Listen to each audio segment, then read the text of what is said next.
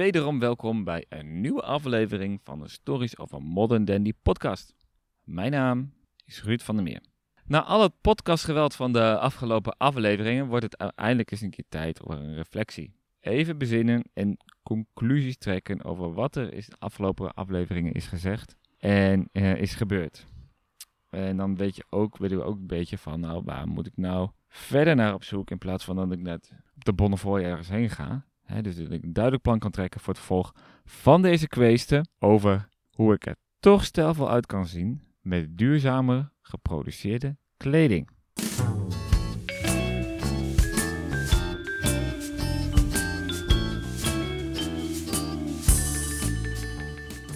Ik zit nu lekker buiten in de tuin, het zonnetje schijnt, het is tenslotte zomer, dus dan uh, vond ik het een mooi excuus om even buiten te gaan zitten. En ondanks dat deze podcast even een zomerstop heeft, uh, de eerste aflevering heb ik natuurlijk voor de zomer uh, uh, geplaatst. dat betekent niet dat we ik op mijn luik gat gaan zitten en dat er op podcastgebied eigenlijk niks gebeurt.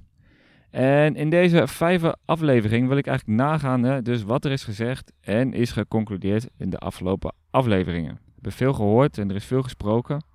We hebben twee stelvolle jonge heren gehoord die heel bewust met hun eigen kleding en uiterlijk bezig zijn. Ik ben net onder andere mijn eigen kledingkast ingedoken. En ik heb een milieuwetenschapper aan het woord gelaten om te vertellen over de productie van kleding. En ik hou ervan om uh, stijlvol eruit te zien, uh, net als uh, Olaf en als John. Um, ja. ja, het is een beetje een... tot, tot nu toe is het een beetje hutsekluts, moet ik zeggen. Hutsekluts. Ja, het is echt een hutsekluts. Ik pak, ik pak wat bij elkaar en dan is het een leuke combinatie. En dan, uh, ja, weet je, in de winter is dat best wel, uh, weet je, het is een hemd dan. En zit er een, weet je, een stuk netwear bij, dus over cardigan of een truitje. Doe ik een das bij en dan een, uh, ja, een broek en dan een stel leren schoenen. En dat, dat, is, dat is een beetje mijn, mijn stijl. Um, qua, qua, zeg maar, voor wat, voor, wat voor kleding ik draag. Um, en soms neigt dat meer Italiaans invloeden te hebben, ook wat preppy stijl. maar soms ook Brits, moet ik zeggen. Ik vind bijvoorbeeld tweetjes vind ik echt uh, briljant. Ik heb er nog geen, want mij, mij past niks, maar... Uh... Wat, en dat is, dat is de hutse kluts, zeg maar. Ja, ja, ongeveer wel, ja. Ja, ik pak wat. Ik heb altijd een andere combinatie aan, dus dat, dus dat is dan wel weer spannend. Maar dat is niet de ene dag casual, hoodie, jeans en de volgende dag loop je er uh, op zijn Italiaans Nee, nee, nee ik ben best wel co consequent overdressed, moet ik zeggen. So um, I would categorize my style as preppy because um, I like to uh, wear more classical menswear stuff, but also combine it with something more modern and more um, uh, more fashion forward. So I don't stick uh, solely with menswear, but I, I, it's a mixture of both. But also, it's very difficult to answer this question because I feel like style is always evolving and it's always changing. And maybe one day you will wear preppy or you will wear something classical uh, menswear, but then the next day you want to be more comfortable. And in my case, that's sometimes the case because I'm just going to the gym, for example, and then I would wear uh, something more uh, street style, like a, just a very loose, uh, oversized sweater, and then um, some uh, track pants or some so, so a less formal pants, and then mm-hmm. some boots. And I think that's also my style now. So um, definitely street style and preppy, I would describe it as. En allemaal houden dus van onze kleding. Maar goed, het maken van kleding uh, blijkt dus niet zo schoon te zijn en niet zo arbeidsvriendelijk ook. Zoals we dat in uh, aflevering 1 hoorden. Sandrine Nonabel van de Unie in Groningen, milieuwetenschapper, zei daar onder andere het volgende over. Ja. En fast fashion, dat we om de havenklap naar de Primark en de H&M's gaan. Om, om iets te scoren, ja. Ja, een t-shirtje van een paar euro. Ja. Oh, ja, dat, dat is dramatisch. Heel simpel het maken van vezels kost gewoon ontzettend veel grondstoffen. Dus als je die echt maar één of twee keer aan hebt, dat, dat is niet handig. Nee. En, en uh, grondstoffen zeg je, hebben ze ook nog mest nodig? Ja, er moet ook mest op en er moet bestrijdingsmiddelen op. En er is energie nodig om dat heen en weer te transporteren. En je hebt er oppervlaktes nodig, grond nodig om, om het te verbouwen. Dus dat is, en dat is dezelfde grond die je voor voedsel nodig hebt. Dus dat gaat ook een beetje tegen elkaar inwerken. Ja, want uh, de, de katoen wordt dan in Iran gemaakt. Misschien dat ze die grond ook wel willen gebouwen, verbouwen voor hun eigen kijk, voedsel. daar kan ook prima gewoon op die grond kan prima voedsel gebouwd worden. Ja, het is een beetje dezelfde discussie natuurlijk met biobrandstoffen. Ja.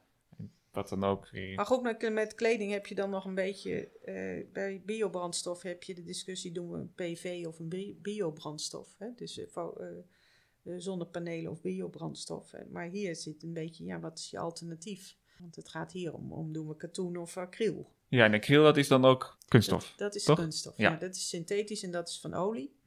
En daar hangt het dus een beetje. Het is niet zonder meer te zeggen van dat een synthetisch nou beter of slechter is dan de, dan de natuurlijke. Nee. Nee, want waar, waar zou het verschil, waar, waar- waarin is de ene beter dan de, dan de andere? Nou, voor, voor de synthetische heb je olie nodig om het te maken. Maar dan heb je al dat water en, en grondgebruik en de pesticiden niet nodig om wat je dus in de natuurlijke producten wel hebt. En acryl en, en die andere synthetische vezels zijn ook fors makkelijker in het onderhoud. Dus, dus ze kunnen wat vaker in de wasmachine en, en ze blijven ook langer goed. en Dus en die blijven ook langer goed inderdaad dan onze wollen trui. Ja, het is- dus als jij een vlies vergelijkt met een wollen trui, dan denk ik dat die wollen trui er heel beroerd afkomt in het milieuplaatje. Maar ik heb ook wel eens gehoord van eh, met wassen, daar komt heel veel. Dat zijn die micro. Ja, dat, dat is het. De- microdeeltjes de- vrij. Die, plastic soep is, is een ander verhaal van al die synthetische producten die, die laten vlie, nou, in vlokjes los, zeg maar. En ja, dat wordt wel de, dat is de plastic soep.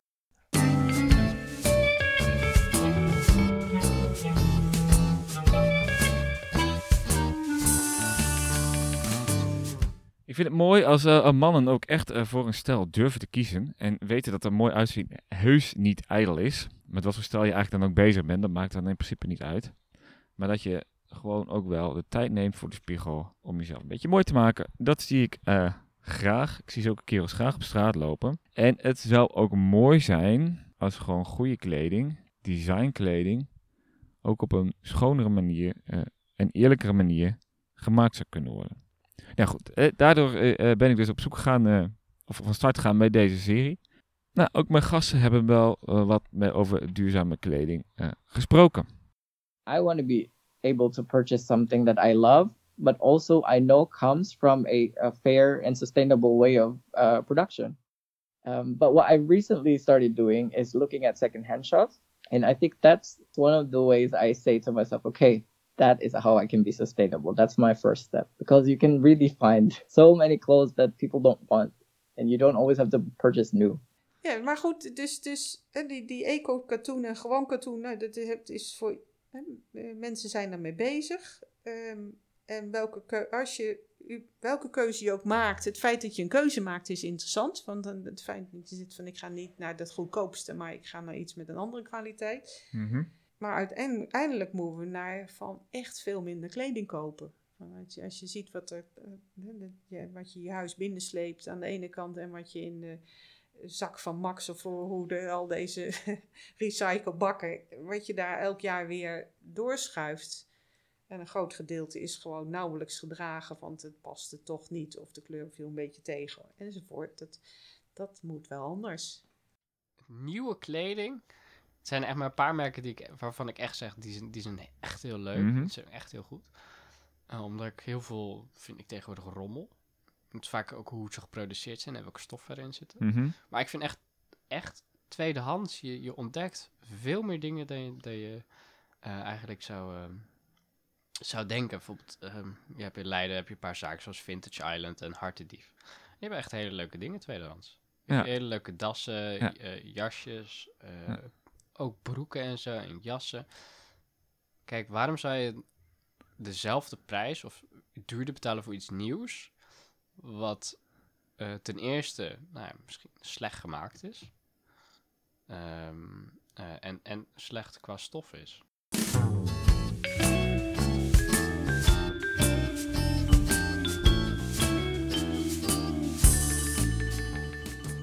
Wat ik dus wel heel grappig vond eh, tijdens de gesprekken met eh, Olaf en John, is dat ze over tweedehands kleding begonnen. Zonder dat ik eerst zelf daar nog over nagedacht heb. Hè. Het is gewoon simpel gezegd, eh, tweedehands is dus hergebruik van kleding. Hè, je koopt dus niets nieuws, maar waar dus dus geen nieuwe materialen, et cetera, voor gebruik zijn. Maar goed, dit, dat dus al een keer gebruikt is. Ik moet eerlijk zijn dat ik hier zelf dus, toen ik met deze serie begon, daar niet echt over nagedacht heb. Ik vond het juist jammer en stom dat ik dus dat er niet echt een merk was waar ik mijn behoefte voor een bepaalde stijl in kwijt kon. Maar van Olaf en John heb ik gehoord dat tweedehands, dat je daar best leuke dingen kan krijgen. En nou ja, dat ik dat vaker eigenlijk een vintage winkel in zou moeten. En wat me dus ook opviel aan de aanleiding van het gesprek met um, Sandrine Nonhebel, is dat duurzame grondstoffen voor kleding eigenlijk niet per se duurzaam is. Bijvoorbeeld biokatoen heeft meer land nodig, daardoor meer water. Uh, bioschapen heb je er ook meer nodig. En bioschapen letten, laten net als niet-bioschapen gewoon methaan scheten. En als je bijvoorbeeld een bamboe of hennep wilt opschalen, dan gaat, het, gaat daar ook wel weer heel veel chemicaliën voor moeten gebruiken. Dus de vraag is eigenlijk of dat dan ook beter is. En wat zij zegt is dus, het beste is dan zo weinig mogelijk kleding kopen en daar zo lang mogelijk mee doen. Ondertussen horen we de ambulance achter. Ja, dat krijg je als je lekker buiten zit. Dan uh, hoor je ook uh, wat meer achtergrondgeluiden. Ik hoop dat verder niet dat er iets ernstigs aan de hand is. Maar goed, eh, dit betekent dus dat je dus ook bij een vintage winkel langs gaan. Gehoord hebben van een milieukundige. Dus milieukundige ook heel goed idee is. En minder gevoelig worden voor mode. Is wel of niet slecht voor het milieu? Ja, ik, ik ben bang van wel. Van mode leidt ertoe dat je kleren weggooit die nog wel goed zijn als kledingstuk, uh, maar hij is niet meer in de mode. Ja. ja. Dat, dat is wel ja. op zich beroerd. Zo van het idee van dat je je kleding dus weggooit omdat het niet meer in de mode is. Ja, dat is, en dat is voor veel mensen is dat zo. Mode is dus een reden waarom wij dingen weggooien. Ja, ja en helaas, uh, dat bijt behoorlijk met terugdringen van milieueffecten. Dus als we eigenlijk, jouw conclusie is, um, jouw boodschap is eigenlijk van als je mode-industrie duurzamer wil maken, kijk dan vooral naar je eigen gebruik en koop niet zoveel kleding. Nou, maar je, je zegt mode-industrie duurzamer. Maar de mode-industrie moet dan gewoon van het idee af dat er elk jaar iets nieuws moet. Ja. Maar dan moet het dus een kledingsindustrie worden die producten gaat leveren die lang meegaan. Ja. Waar dus ook een, een veel hogere prijs voor gevraagd kan worden. Zo als jij één keer per jaar een broek koopt, kan je er ook iets anders aan besteden. Dus eigenlijk concluderend, uh, we kunnen natuurlijk wel in het hele productieproces de boel gaan zitten fine-tunen en wat aanpassen.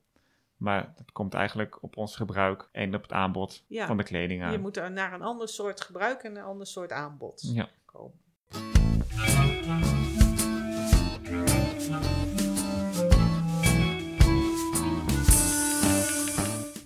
Dus ja, wat gaan we doen de komende afleveringen? Uh, in ieder geval dat mij ter oren is gekomen dat er in Parijs speciale winkels zijn die stoffen verkopen uh, die niet meer nodig zijn voor de modehuizen uh, daar. Dus dat betekent, uh, er is bepaalde stoffen zijn er ontworpen en gemaakt voor een bekend modehuis.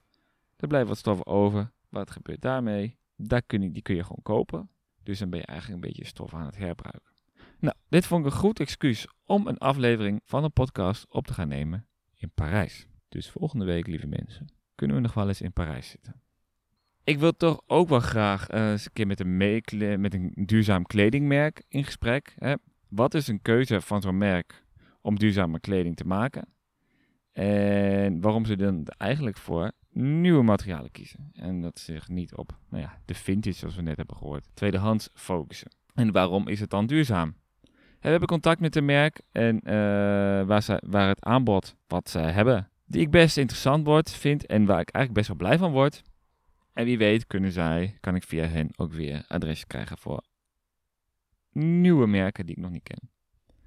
Dus heel misschien achter de microfoon iemand van een duurzaam kledingmerk en bij u op uw online radio. En hoe zit het dan met tweedehands? Nou, hier gaan we ook zeker dieper op in. En dan tot slot uh, wil ik jullie nog even wijzen op de Dutch Sustainable Fashion Week. Dat is een modeweek in Nederland en met name in Amsterdam, uh, speciaal gewijd aan uh, duurzame en fair fashion. En deze week vindt plaats tussen 4 en 13 oktober. Is te googlen. Onder andere was ik daar afgelopen jaar bij een show waarin een van de ontwer ontwer ontwerpers een collectie toonde van hergebruikte stoffen. Het uitgebreid over gehad. Um, ik heb er ook een blog over geschreven. Die vind je online op dandyandthecity.com. En um, tot slot van deze aflevering wil ik nog even een korte impressie laten horen van de show zelf en wat er is gezegd. En er rest mij niks anders dan u te danken voor het luisteren weer naar deze nieuwe aflevering. En u een fijne dag toe te wensen. En dat ik u graag terughoor. Nou ja, dat u mij eigenlijk terughoort. Op een nieuwe aflevering van een Stories of a Modern Dandy podcast.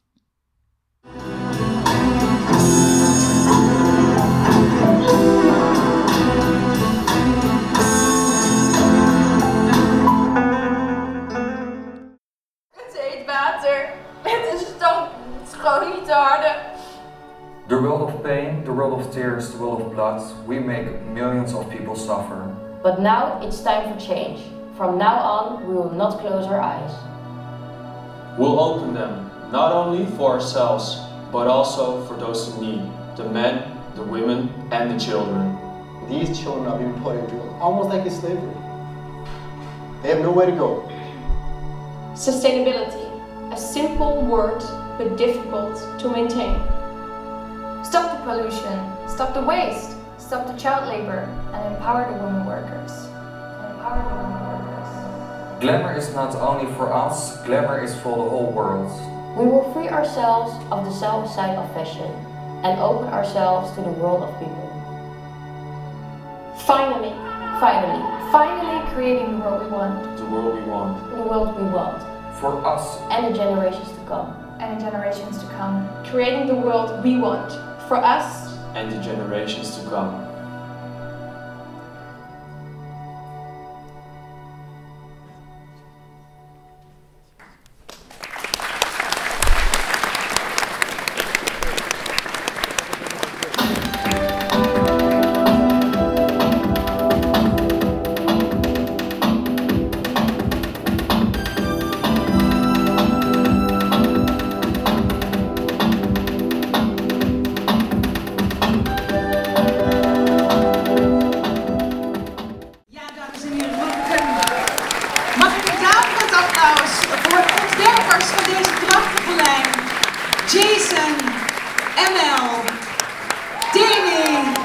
En Sophie.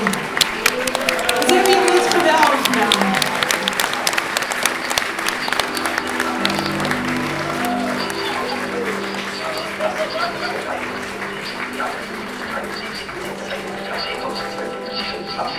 Ik ben ongelooflijk trots. jullie hebben het zo fantastisch gedaan. Eh, dank jullie wel. Laten we wat gaan drinken.